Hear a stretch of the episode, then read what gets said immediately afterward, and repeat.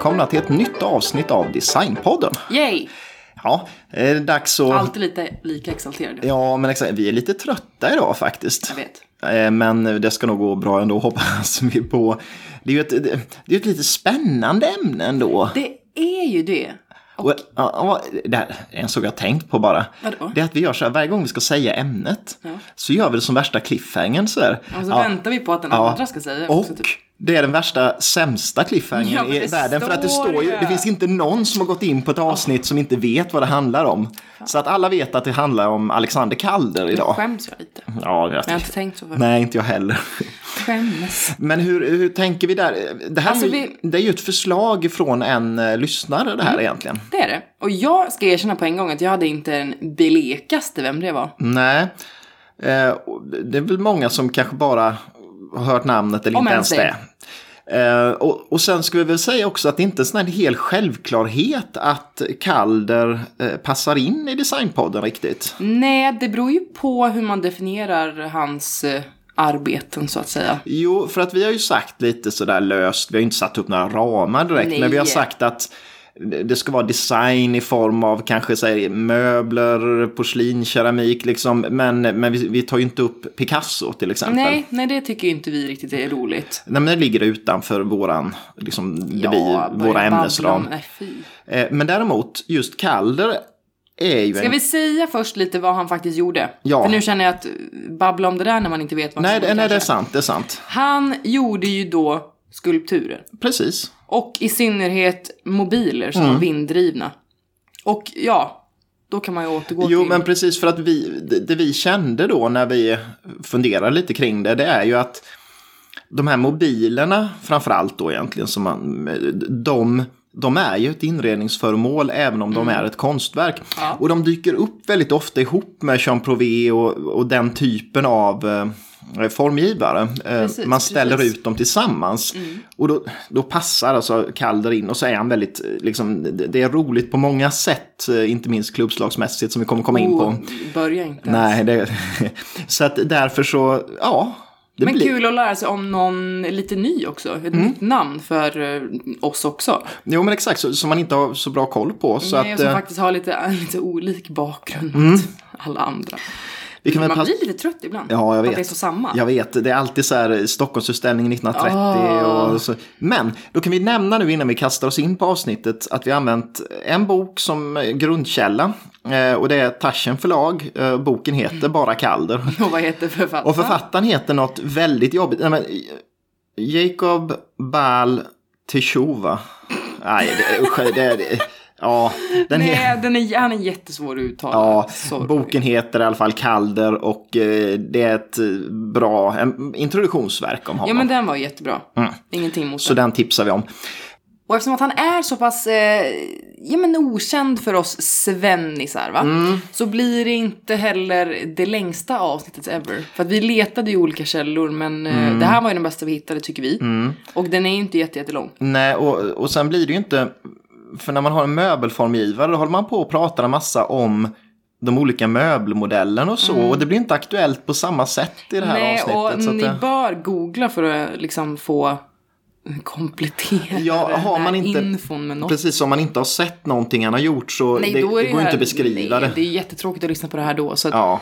rekommenderar att ni googlar fram lite bilder och ser vad det är vi snackar om. ja, vi kommer visa på Instagram och sådär också. Precis, och det är inte jättekul att lyssna i 45 minuter om någon man inte vet vem det är heller. Nej, Skitsamma. vi kör på. Vi kör. Ni lyssnar naturligtvis på Designpodden och vi som pratar heter ju Sanna och Andreas.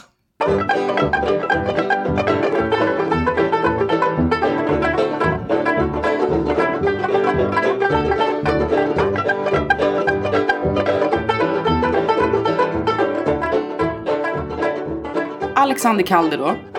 Han är en av de mest hyllade samtida skulptörerna. Och eh, han är ju då känd för sina mobiler som vi sa innan. Han gjorde ju dock också annat, men Ja. det tycker vi inte är så roligt. Nej. Jo, men han gjorde lite tavlor och böcker och så vidare. Ja. Sånt vi inte tycker är design. Ja. Han föddes i alla fall den 22 juli 1898 i en förort till Philadelphia i USA. Och det här var så roligt, men det första som nästan stod i boken var att hans mamma ska ha sagt till honom att han föddes den 22 augusti. Vilket han trodde till 1942. Va? När han fick se sitt födelsebevis som tydligt visar att han föddes den 22 juli. Nej men varför ljög hon om det? Jag vet inte, hon har tappat eller liksom tagit fel på det. Hon har tappat en månad. Nej men Ja. jag, han vet inte, jag vet inte. Men en, en månad alltså diffare Mm. mot vad mamman sa till vad som är riktigt. Ja, det är ju bra början då. Nej, det är helt galet. Ja, Jag har ingen förklaring på det, Nej. men det, det tyckte jag var roligt. Ja. Han föddes då in i en konstnärlig familj. Både hans farfar och hans pappa, som också hette Alexander Calder. Mm. De var respekterade skulptörer och de gjorde så stora nyklassicistiska statyer till offentliga miljöer. Men mer traditionellt. Ja, så allegoriska motiv. Så det, han gör ju inte ens nästan liknande. Men eh, så var det i alla fall. Och hans mamma var faktiskt också porträttmålare. Så att eh, Sandy, som han faktiskt kallades. Som jag, kom, jag kommer också kalla honom det, för det är roligare. Så. Det är kul. Han kommer att sitta modell åt både pappa och mamma. Jaha. När de gjorde sina olika... Ja, så, konstverk. så det finns eh, så här, Ja, målningar på honom. Det måste jag googla. Det finns lite gott blandat där ska man veta. Familjen flyttade väldigt mycket under Sandys uppväxt. Och det var ju då för att pappan letade jobb. Mm. Och det kan man inte få på samma plats. Nej, inte i ett sånt yrke. Samma stad behöver ju liksom inte så här tio olika jätteskulpturer. Nej. Så de flyttar väldigt mycket, men till slut hamnar de i New York och där studerar Sandy på Stevens Institute of Technology i Hoboken, New Jersey. Mm. Och 1919 tar han examen därifrån i maskinteknik och det kom ju att hjälpa honom väldigt mycket sen i sina skulpturer. Ja, det är klart. För de är ju, det är ju inte bara liksom, Nej, det ju, det konst... finns ju väldigt mycket tanke bakom ja, det är ju alla. konstruktioner Oh verkligen. ja, oh ja, oh ja. Efter det här så kommer han att ha ett antal olika jobb som inte hade med saken att göra mycket. Men ja, eller han var mekaniker i två veckor. Sen jobbade han på ett försäkringsbolag där han var fordringsjusterare. Det lät inte kul. Nej. Sen testade han också på att vara säljare, Mm. revisor och eh, jobba på en brädgård gjorde han också. Ja, det lät faktiskt roligast av dem du räknar upp där. Jag vet, men en sån salig blandning. Mm. Men han eh, blev uttråkad av alla de här jobben. Ja. Och därför han bytte så ofta. Mm, mm. Det är liksom, nej, det, Det gav var- honom inte nej. det han ville. Han bestämde sig då för att han ville bli konstnär som sina föräldrar och Mm. sin farfar. Så 1922 så började han ta kvällskurser i sån här nakenteckning. Det heter ju någonting annat. Eh, Är det krokier? Det Det är det! Ja, det är det. Det är det precis vad det är. Bra. Det är vad det låter som tänkte jag säga. Man målar av nakna människor. Ja. Någon som sitter modell. Det kan vara kul ett tag. Men det tråkar också ut om honom efter en stund. Lite enformigt. Ja men det blir det väl. Ja. Kul med naket men ja, inte så länge. Nej. Han bestämmer sig i alla fall då för nästan så här trumvirvel på det. Men att han ska jobba på ett fraktfartyg. Som ska till Sydamerika. det, jag tycker han är sjukt Ja, det är härlig. här, nej, nu orkar inte jag det här Nej. längre. Nu tänker jag åka till Sydamerika Ja. i ett fraktfartyg. han testar allt. Jag tycker det är så Ja. gött. Och sen hände det någonting Mm. på det här fartyget. Som liksom, ja men det, mm, det formade Ja. hans future. Det är inte en sån big deal, jag trodde det, men det, ja, det beror på hur man ser det. Men han vaknade en morgon i alla fall på däck, såg han. Och såg ett enormt rött klot i himlen. Och han blev liksom helt tagen och det tog ganska lång tid innan han förstod att det faktiskt var solen. Jaha, det var inget ufo. Nej, men det var, nej, nej, det är of, ofta inte. Om man inte kollar på Arkivix, nej då. Men eh, det var, han blev liksom så mesmerized och tagen av att solen var så stor och så knallröd. Att eh, då bestämmer han sig ändå för att det är konstnär han vill vara. Precis. Ja, han vill fånga det Precis, där på ja. något sätt. Mm. Och det gör han väldigt ofta också senare i väldigt många olika målningar och whatever. I alla fall. 1923, som bara är året efter han pluggade kroki, Ja. Så börjar han på Art Students League i New York. Jag vet inte exakt vad det är, men man utbildar sig till Ja. att bli konstnär. Och han stude- studerar där i tre år. Och sen målar han mest efter det, ofta landskap. Jaha. Och då var det faktiskt ofta den här röda solen och så. Det kom tillbaks till det Mm, hela verkligen, tiden. Mm. ja ja. 1924 så tjänar han faktiskt redan sina första cash Mm. inom yrket. Som frilansande illustratör för tidningen National Police Gazette.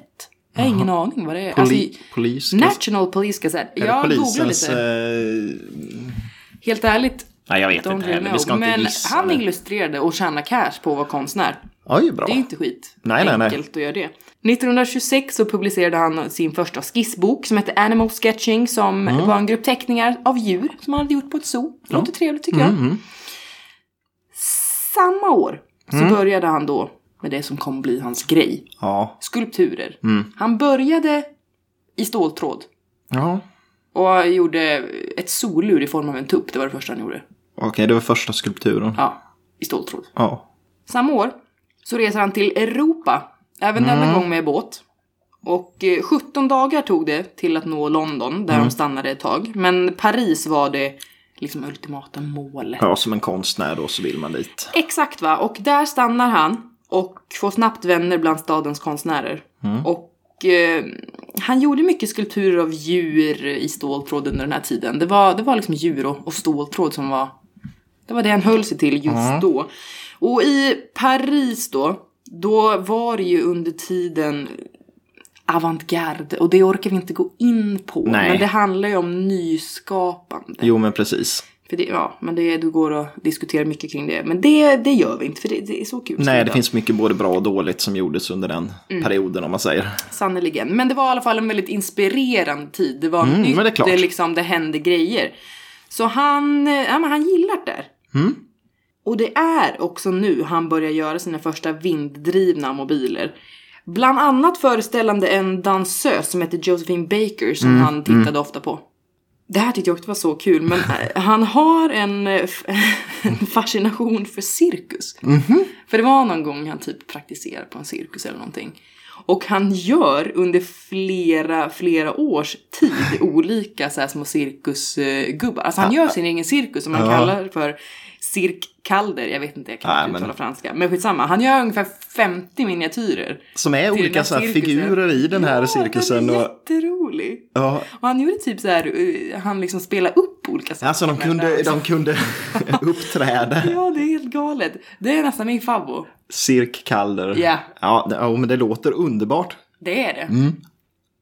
Mellan 1927 och 28 så är han i USA igen för att Mm. han letar köpare till sina skulpturer. För man måste ju kunna casha in också. Ja, det är svårt att leva annars. Det är ju det. Och han är också med i ett antal olika utställningar. Bland annat på hotellet Waldorf Astoria i New York. Mm. Och där ställer han ut en, en jätteskulptur i ståltråd av Romulus och Remus. Ja. Och det vet vi ju alla vad det är. Ja, Roms grundare. Ja. Jag ska säga grundare. Ja, ja. ja, ja men Den ble, det blev en hit i alla fall. Mm. USA-året, det blir i alla fall framgångsrikt. Han hittar köpare och ja, men han, han cashar in ändå. Mm. Och eh, på vägen tillbaka till Paris så har han råd att åka i första klass på en båt. så då har man tjänat s- cash där, man råd att undvara lite. Och väl framme så hyr han en lägenhet och han kom att bli vän med surrealisten Miro. Ja, det är ju inte illa. Och det kommer ju också att forma hans formspråk väldigt mycket. Mm, det, det, jo, men det, det stämmer. Det blir mycket mer abstrakt. Mm, exakt. Vilket jag tycker är tråkigt. Ja, men eh, det vissa av de här grejerna känns ju lite som rörliga miråer. eh, Om man Jo säger men det kan det, det kan det också anses vara. 1929 hade han sin första egna utställning på ett galleri i Paris då. Mm. Och han visade ju då mest ståltrådsskulpturer av olika slag men också några så här träskulpturer. Men Mm, de, eh, de blev inte speciellt väl Mottagna då? mottagna för de var lite för konventionella. Okej, det var nu Men de andra funkar bra. Mm. Det var nytänkt och avantgarde. med ståltråd. ja. Luffarslöjd kan man kalla det i Sverige. Det- kan man göra. Ja. Han flänger fram och tillbaka till USA och mellan Paris jättemånga gånger så han gör det igen och åker till USA. Mm. Och på den båtresan, då träffar han Louisa James. Mm. Och de kommer att gifta sig två år senare.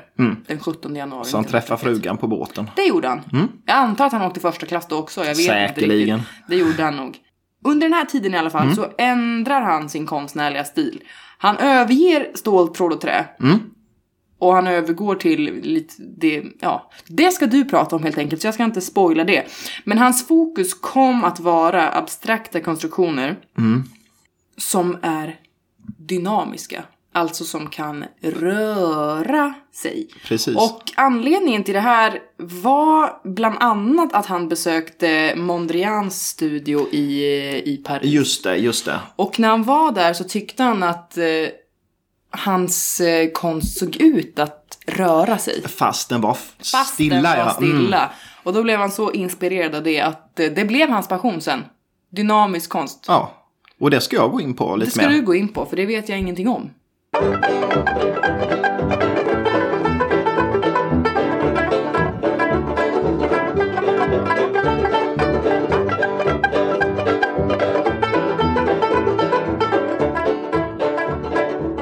Men då, är vi, då är vi framme på 30-talet. Det är vi. Och eh, Calder har hunnit bli då en ja, internationellt uppmärksammad Mm. konstnär.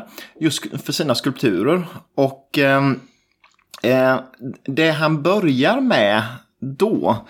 Det är att göra geometriska figurer. Och det är ju liksom de klassiska cirklar, klot, rektanglar. det är väl det som är men geometriska spiraler och figurer. lite såna här, ja, men så här stiliserade figurer. Ehm, och de första som han gjorde då, det var att han, han, han hade dem liksom att dansa framför en träplatta. Mhm. Att de liksom mekaniskt rörde sig framför en träskiva som skulle vara som en kuliss då. Mm. Ah, som så rör men sig de här. teater. Ja, men en liten teater faktiskt. Mm. Och eh, de var ju motordrivna. De var Och, mm, och grejen var att tidigare som du beskrev de här ståltrådsfigurerna och så, de var ju inte målade utan han behöll det Ja. råa stålet och Oh, ja. träet hade träns färg. Men eh, de här motordrivna skulpturerna, Ja, de de, de, målade han istället. Det måste vara Miros. Miro, ja, garanterat. För det ju För att han väljer. Miros färger Ja, också. röd tänker jag. Röd. Exakt. För att eh, det han gör är att han använder grundfärgerna blå, Ja. röd och gul. Ja. Och sen så icke-färgerna, så svart och vit då. Exakt. Men, men det här är Mondrian och Miro har han inspirerats Ja, jättemycket av Han här. hängde ju med dem. Ja, så det är väl lite att han vill göra, eh, det känns... Om Han man gör deras konst ja, levande. ja, han vill göra en Miro fast de här geometriska Ja. Mm. grejerna studsar runt. Vilket det, är roligare. Ja, det är coolt. Jag gillar det. Och, och det passar ju in lite i att han gillar cirkus och det här också. För att han gör sina små egna cirkusgrejer i sina konstverk där. Att vad gött att kunna leva på Ja. att bara eh, laja och göra det man gillar. jo men exakt. Fan vad. Och nu kom vi in på det här med mobiler. Ja, För man säger att mobiler är ju det Vad som... är det? Ja, alltså grejen var att eh, Marcel Duchamp, eh, Mm. som vi inte gillar. nej, han behöver inte gå in på vem han är egentligen, men naturligtvis en stor konstnär som, eh, han blir känd för sina ready-made föremål som Vilket är... egentligen är bara färdiga grejer som han klottrar lite på. Ja, och vi ska... han, har- han, han gjorde bland annat en. Vi ska bara gå in på en grej för att Okej, han ja. Mm. gjorde bland annat cykelhjulet. Eh, och eh, skulpturen cykelhjulet är ett cykelhjul. Ja. Och det är inget mer. Det är ju... Och sen så är det en ready-made skulptur. nej, Men den hade han redan 1913 kallat för en mobil. Jaså, men rörde den sig? Ja, man kunde ju ta tag och snurra på hjulet så Jaha, det snurrade var då, det typ bara hängde? Nej, det var monterat på, på någon platta, men det var ju liksom... Men han Men grejen var att han var i, i, i eh, Calders eh, studio i New York. Mm. Och kikade på ehm, hans prylar. Och sa att de var mobiler. Eller mobils. Och därifrån kommer helt enkelt alltså namnet Men var mobil. det han som hittade på? Ja, det var han som mobilen? hittade mobilen som att, att en mobil är ett konstverk som är rörligt. Men Betyder det det på franska då eller? Mm, ja, det betyder rörligt bara. För jag tycker att det, jag, tyck, jag blev alltså förvirrad när jag var yngre Mm. med mobil. För nu tänker man ju bara en telefon. Eh, mobiltelefon. jag bara, vad fan var det mobil? Ja. Men, men, men det är det, för, för grejen var att eh, det här Websters International Dictionary, Mm. eh, som ju är så här, ett huvudverk över engelska språket. Yeah. 1954 dyker Mobile upp i eh, den här. Inte tidigare? Nej, 1954. Och då är förklaringen så här. A balanced construction or sculpture of high um, uh, of a type developed by Alexander Calder Jaha. since 1930, usually with movable parts. Men Så att okej. eh, egentligen ses Calder som den Liksom uppfinnaren. uppfinnaren av mobilen, även om då Duchamp kanske hade liksom gjort liknande grejer tidigare. Cool, men okej, för att det kan ju nästan beskriva lite varför han är så dyr. Ja, och också till. varför faktiskt hans mobiler får sånt extremt det är genomslag. så nytt. Det är så nytt på 30-talet när de kommer. Härligt. Och det Kalder blev så liksom exalterad över det var just att konsten inte längre är fängslad. Nej. Han menar ju liksom att när han tittar på den här Miron så, så ser han rörelse i den. Men, men den är ju ändå tvingad Ja. att vara statisk. Men i hans grejer, då, då rör det sig, då får det leva på ett Mm, annat sätt. Fan, jag gillar det. Ja, Jag trodde ja, ja. inte det ändå. Nej, men jag, jag är väldigt fascinerad faktiskt över Kalder Ja, på det sättet. Faktiskt. Och han får ju jättemycket uppmärksamhet. Mm. Och 1937, eh, då är det dags för världsutställning i Paris. Yeah. Och arkitekten eh, José Luis Sert, han, ombe, han, han frågar om inte Calder kan göra en installation till utställningen. Mm. För Frankrike. F- Ja, han ska göra en, en eh, ja, jag vet inte riktigt för, för vilka faktiskt. Var det den de gjorde Eiffeltornet? eh, nej, det är tidigare. Va? Ja, det är det. Ja. Nu skäms jag igen. 1800-talet? Nej, det spelar ingen roll. i den Men, men, men Calder han ska göra en skulptur.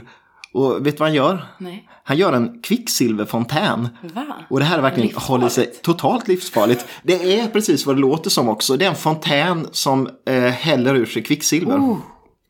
Men Och det här kvicksilvret, alltså den är häftig, den finns på nätet att kolla på. Jag tror det finns YouTube-video på den också. Eh, och kvicksilvret kom från en kvicksilvergruva i sydvästra Spanien.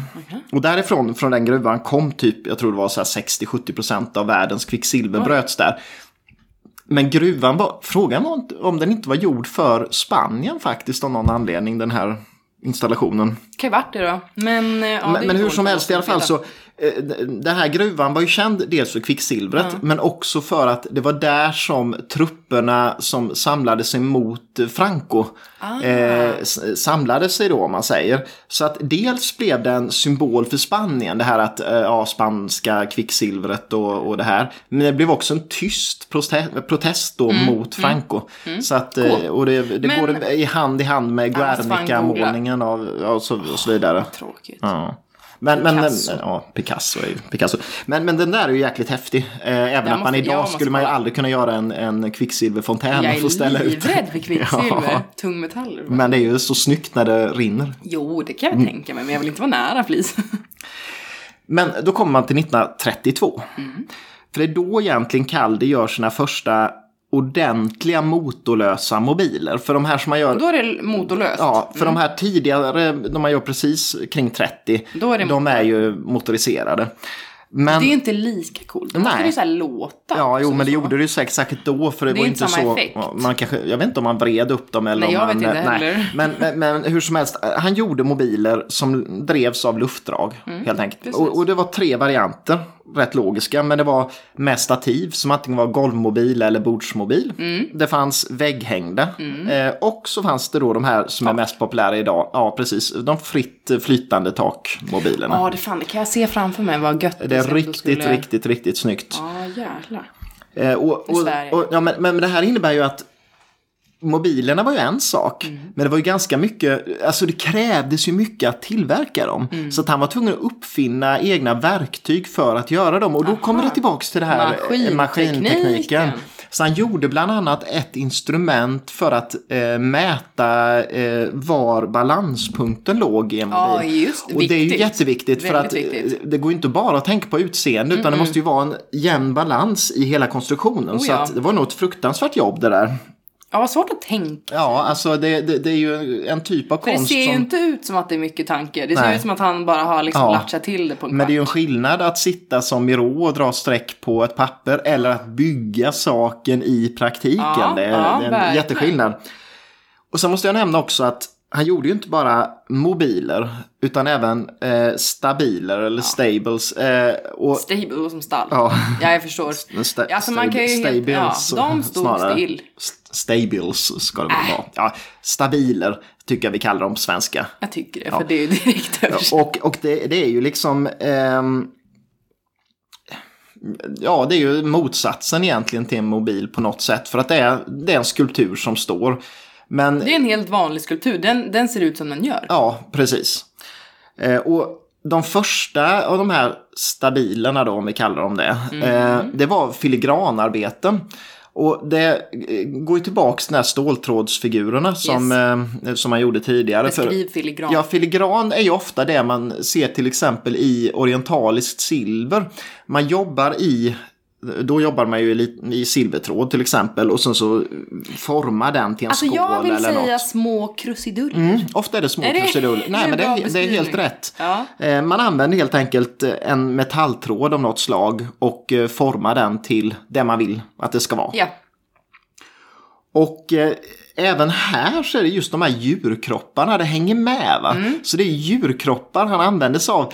Men, men de, de ser ju inte ut, utan det är ju sån här ja, det fantasi. är mer abstrakta. Jag skulle säga att det är liksom, det är ju... um, djur- Unicorns. Ja, med djurkroppar på LSD är det ju faktiskt. Eh, han har en som heter hen till exempel, höna. Jaha, jag tror du menar... Okej, ja. Eh, hö- höna. Eh, och den, när man tittar på den skulpturen, den är både trä och metall och, och så i den. Men, men, det är när man trä tittar, också i Ja, den? den är det trä i Okej. också.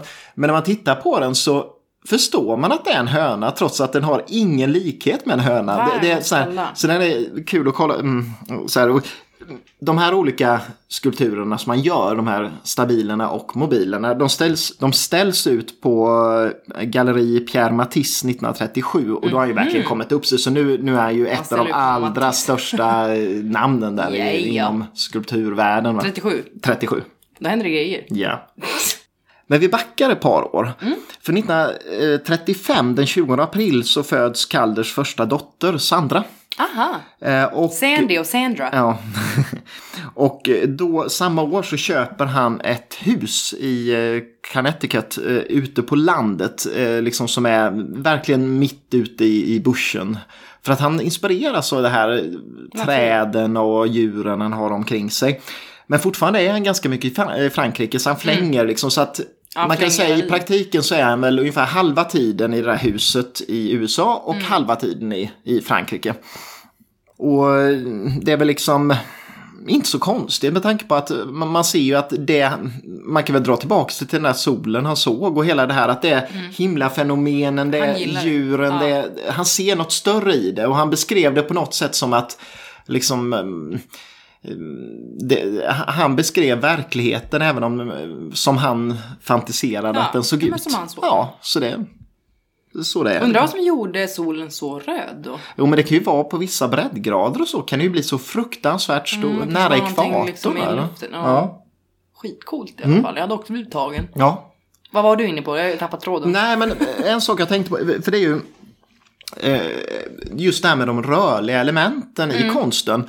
Så att Calder såg sig dels som en konstnär givetvis, men också som en koreograf. Aha. Och det är ju inte så ologiskt egentligen när man tänker på det. Nej. För att han, han, han älskade teater och ballett. Mm. Och såg mobilerna som en typ av ballett. Ja, jo. jo Så att de här köper jag. olika formerna, de här kloten och fyrkanterna och spiralen och det, det var dansare. Mm. Och man hade inte sett konstverket innan man hade sett hela föreställningen. Så den skulle röra sig. Så det är därför nu om man googlar på nätet och bara ser en bild på en, en eh, det mobil. Det är inte det Calder vill. Men om man kollar på YouTube så finns det ju en del rörliga och då får man med hela liksom, rörelsen. Vissa är ju mer effektfulla än andra. Absolut, liksom. Absolut. Vissa är ju crap, men... och, Vad eh, mycket åsikter jag har. Nej, men det, det är inte dumt. Eh, Men liksom, eh, och Calder, det blev lite så att han, han drogs in i den här, han passade väl in på något sätt i den här teatervärlden och så. Så att bland annat då fick han faktiskt göra eh, scenografi 1935 till eh, Martha Grahams ballett Panorama. Aha. Och det är liksom så här, då, bör, då börjar han få göra de här grejerna faktiskt till balletter och sånt. Nej, och, det, och jag tror det passar så fruktansvärt bra. Ja, oh ja. Sen då, då är det ju världsutställning i New York 1939. Yeah. Och till den så, ja då är Calder inblandad naturligtvis. Va? De vill att han ska göra någonting. Yeah. Och då ska han göra sin vattenballett. Aha. Oh, det låter spännande. Ja, det låter spännande. Det, det, det, upp, som en, upp som en sol, ner som en pannkaka blev det lite. Men Ja. grejen var så här att framför Edison Building så fanns det en damm.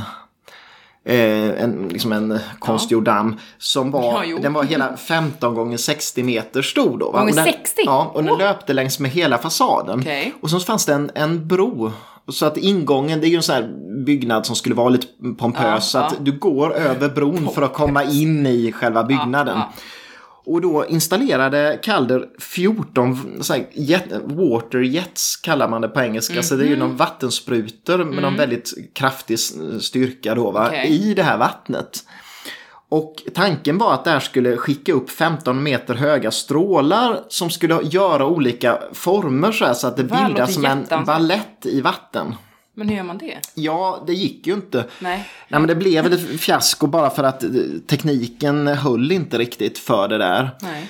Men ett antal år sedan, 1956 då, så gör han om det här projektet för, Gör om, gör rätt. ja, för General Motors eh, i deras eh, kontor i, i Michigan. Och då, då fungerar det. Och det, han gör någon form av, egentligen, det finns det dansar ju, Ja, liksom. och det finns ju idag lite sådana, den typen av fontäner Mm. Ja, som har det här ja. dansande. Oh ja. Så, men det visar Det är också på... Ja, det är Calder-inspirerat och det visar också på bredden i hans konstnärskap. Att han, han tänker att men vatten kan också vara en, en, en grej jag kan använda av för att göra former med. Så. Alltså rörelse i sig. Ja. Och det är ju en det, jävla ja, god... Rörelsen, inte materialet som är det viktiga. Ja, jag gillar Ja, det. jag gillar det.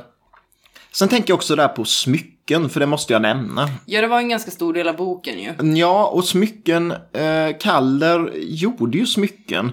Det där började tydligen väldigt tidigt, för redan när han var barn så gjorde han eh, smycken i ståltråd till sin systers dockor.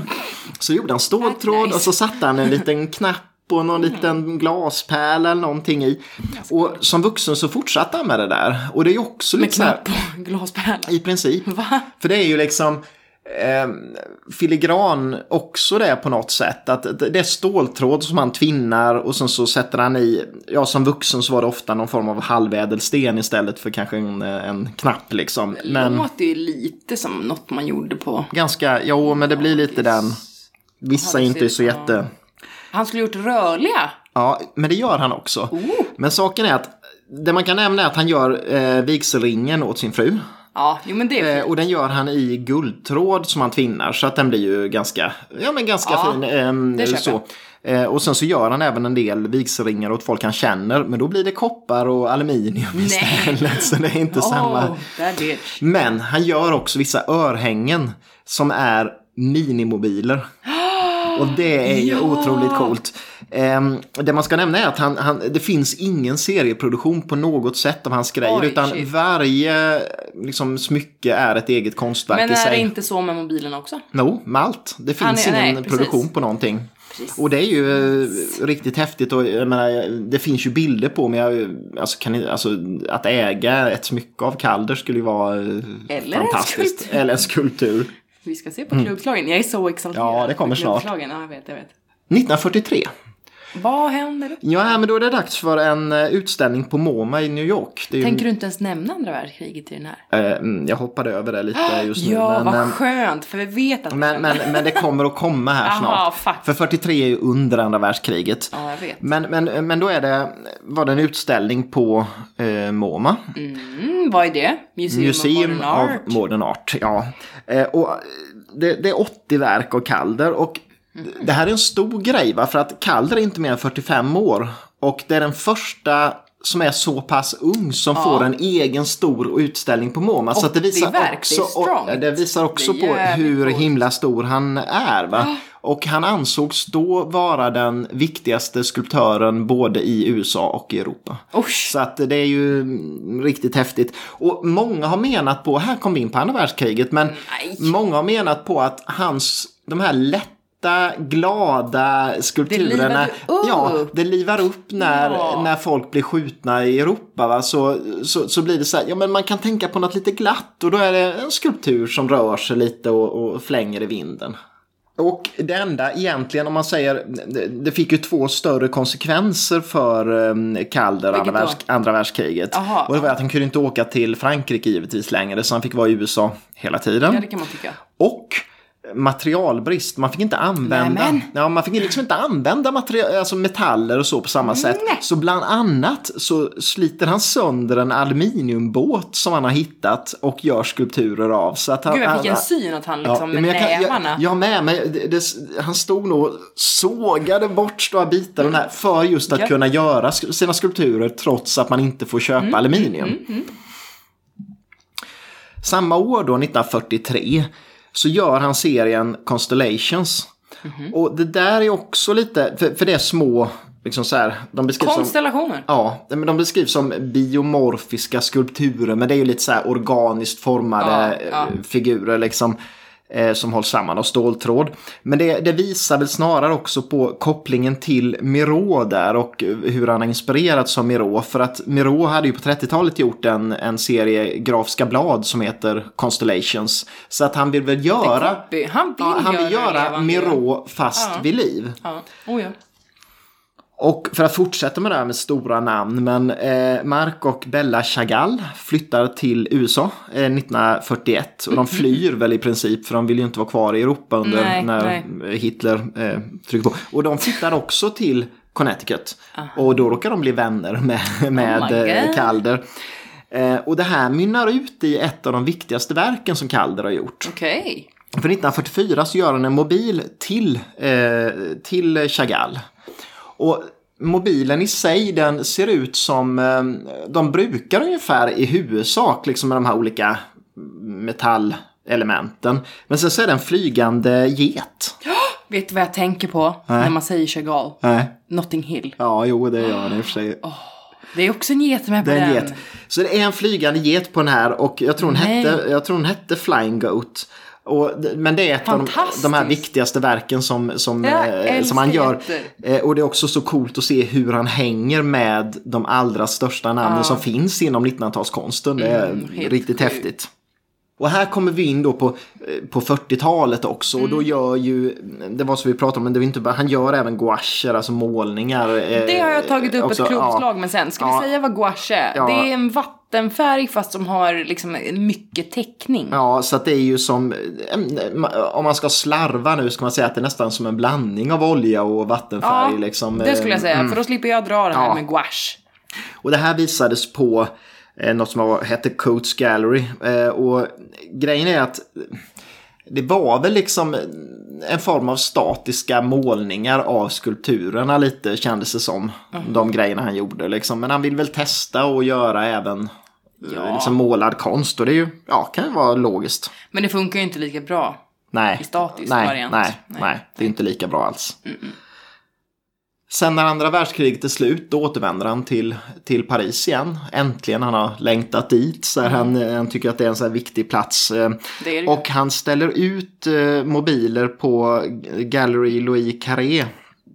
Och för att visa då att han fortfarande är lika stor så var det liksom att bland annat Henry Matisse och Jean-Paul Sartre var några som uppskattade hans grejer och, och kom, kom dit och, och köpte grejer och så. Så att han är jäklar i mig så stor man kan bli. Ja, verkligen.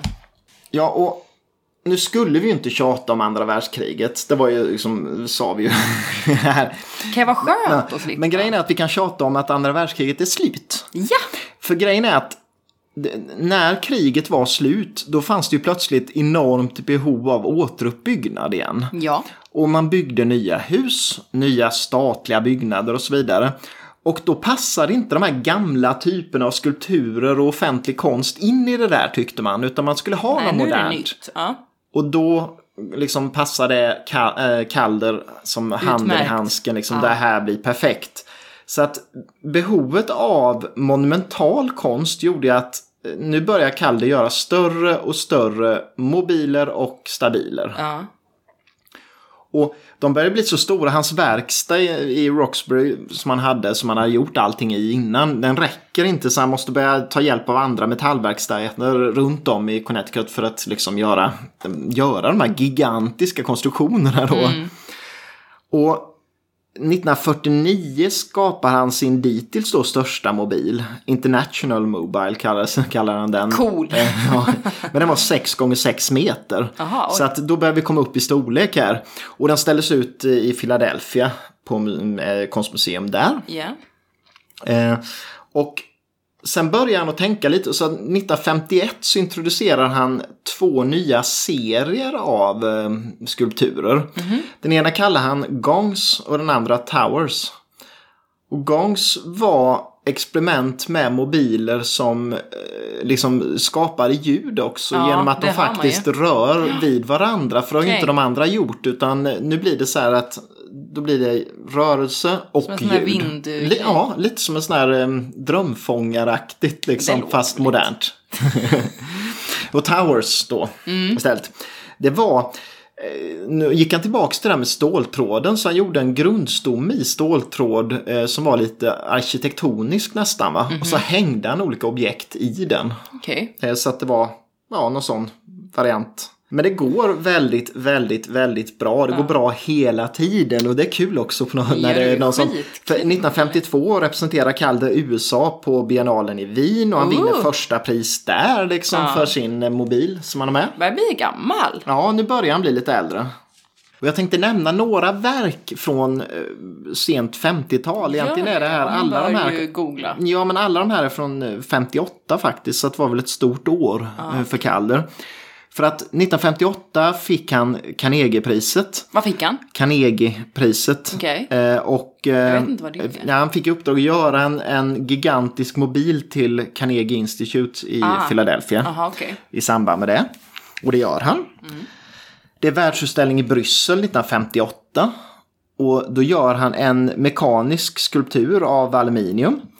Eh, och den är över 6 meter hög. Samma år, 58, gör han en stor installation till eh, John F Kennedy Airport i New York. Och han gör även en skulptur, Spiral, till UNESCO-byggnaden i Paris. Så att han får de här stora, Stora uppdragen. uppdragen. och det är väldigt, väldigt, eh, liksom, ja, det är stor betydelse för eh, offentlig konst i både Europa och USA. Och pengarna lär väl ha rullat in liksom i, i takt med det. Yeah. Men sen skapar han en ny typ av, för han har ju haft de här stabilerna och mobilerna. Men så skapar han en ny typ av, eh, av skulptur som Mhm. man kallar stabil mobil. Men det är väl egentligen en hybrid mellan en Fast hur mobil... är det det? För att antingen rör det sig eller så rör det sig inte. Men det är, den har formen av en mobil kan man säga, fast den inte är rörlig.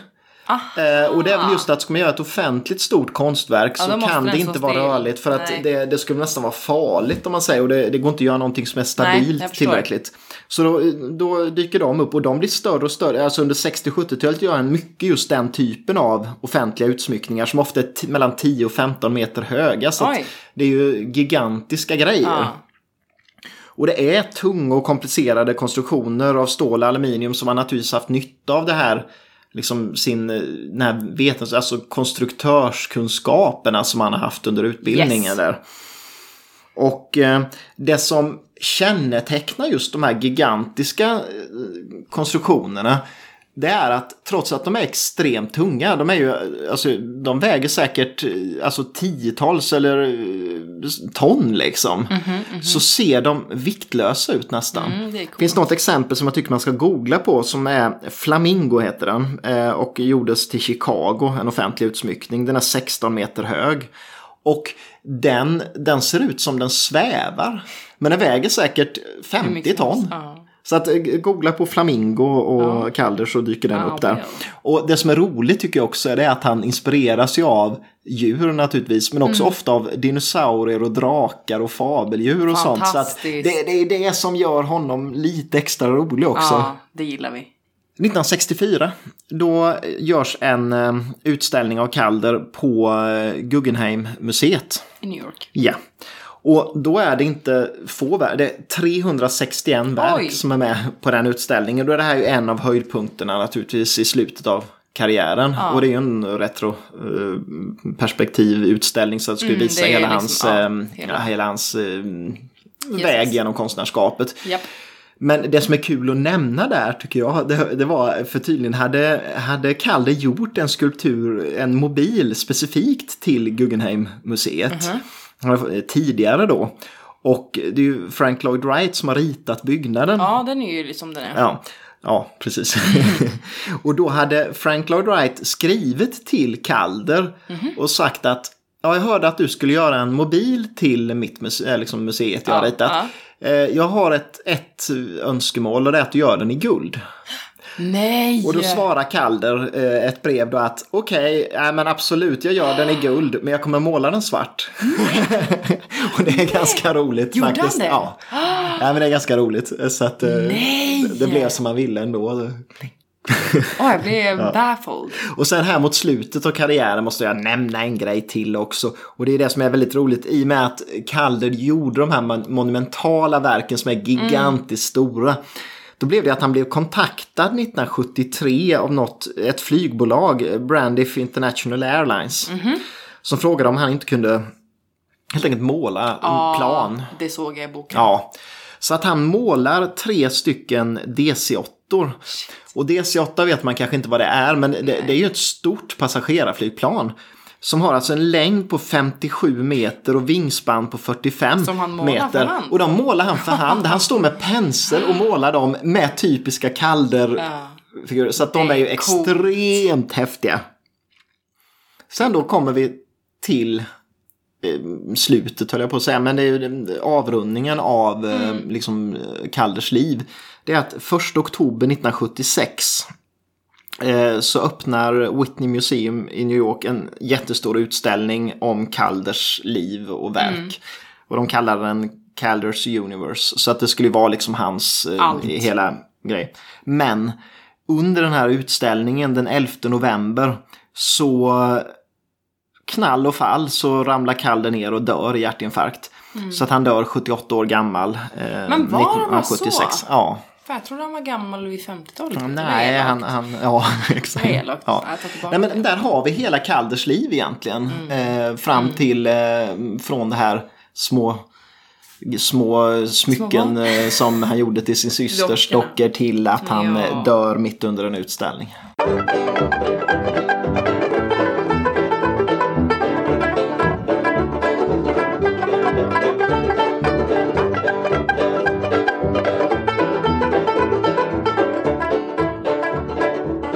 Det här blir ju faktiskt jättelångt ändå det här avsnittet. Ja, det blir det. Det för trodde att, inte jag. Nej, inte jag heller. Men han var ju väldigt intressant. Ja, mer vad, än vad vi trodde nästan. Ja, och nu kommer vi till det jag tycker är roligast. Mm. Det jag låter jättematerialistiskt, men det är kul med pengar. Mm, pengar är roligt. Och nu kommer vi till klubbslagen. Mm, och det måste ju vara jätteroligt med Kalle, va? Ja, men jag börjar med svenska klubbslag Mm. Alexander Kalder. Det som dyker upp är ju då litografier Ja. av Kalder. Just det. Och eh, utropsprisen brukar då ligga mellan 2 och 10 000 ungefär, vilket ändå är mycket.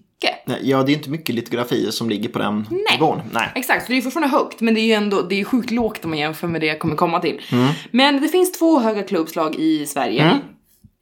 Och båda de är ju då gouacher. Ja. Gud, jag sa det våldsamt. Ja, men, men- det är den här vattenfärgen som är ganska tjock. Den ena hade ett utrop på 500 till 600 000 och den klubbades för 796 000. Vilket är mycket, Det är mycket pengar för en gouache. för- Ja, det är det absolut. Och den andra hade ett utrop på 400 till 600 000 och den klubbades för 931. Så det är det dyraste i Sverige. Och det är det. Det som har dykt upp är helt enkelt gouache då. Ja, jag hittade inga skulpturer. Nej. Det ska jag säga på en gång. Men jag mjukstartar lite de här Ja. utländska Ja, klubbslagen. Med en oljemålning Mm. som heter Seven Black, Red and Blue. Det är weird, men, Mm. Ja, men- den såldes på Christie's i New York. Klubbslag. Och det här, det här är låga klubbslag. Ja, 24 miljoner. 24 miljoner. Vi börjar lågt här. Vi börjar lågt här. Det är så sjukt. Nej, det kommer lite lägre. Men eh, den senast sålda tyckte jag också var ganska roligt. Ja.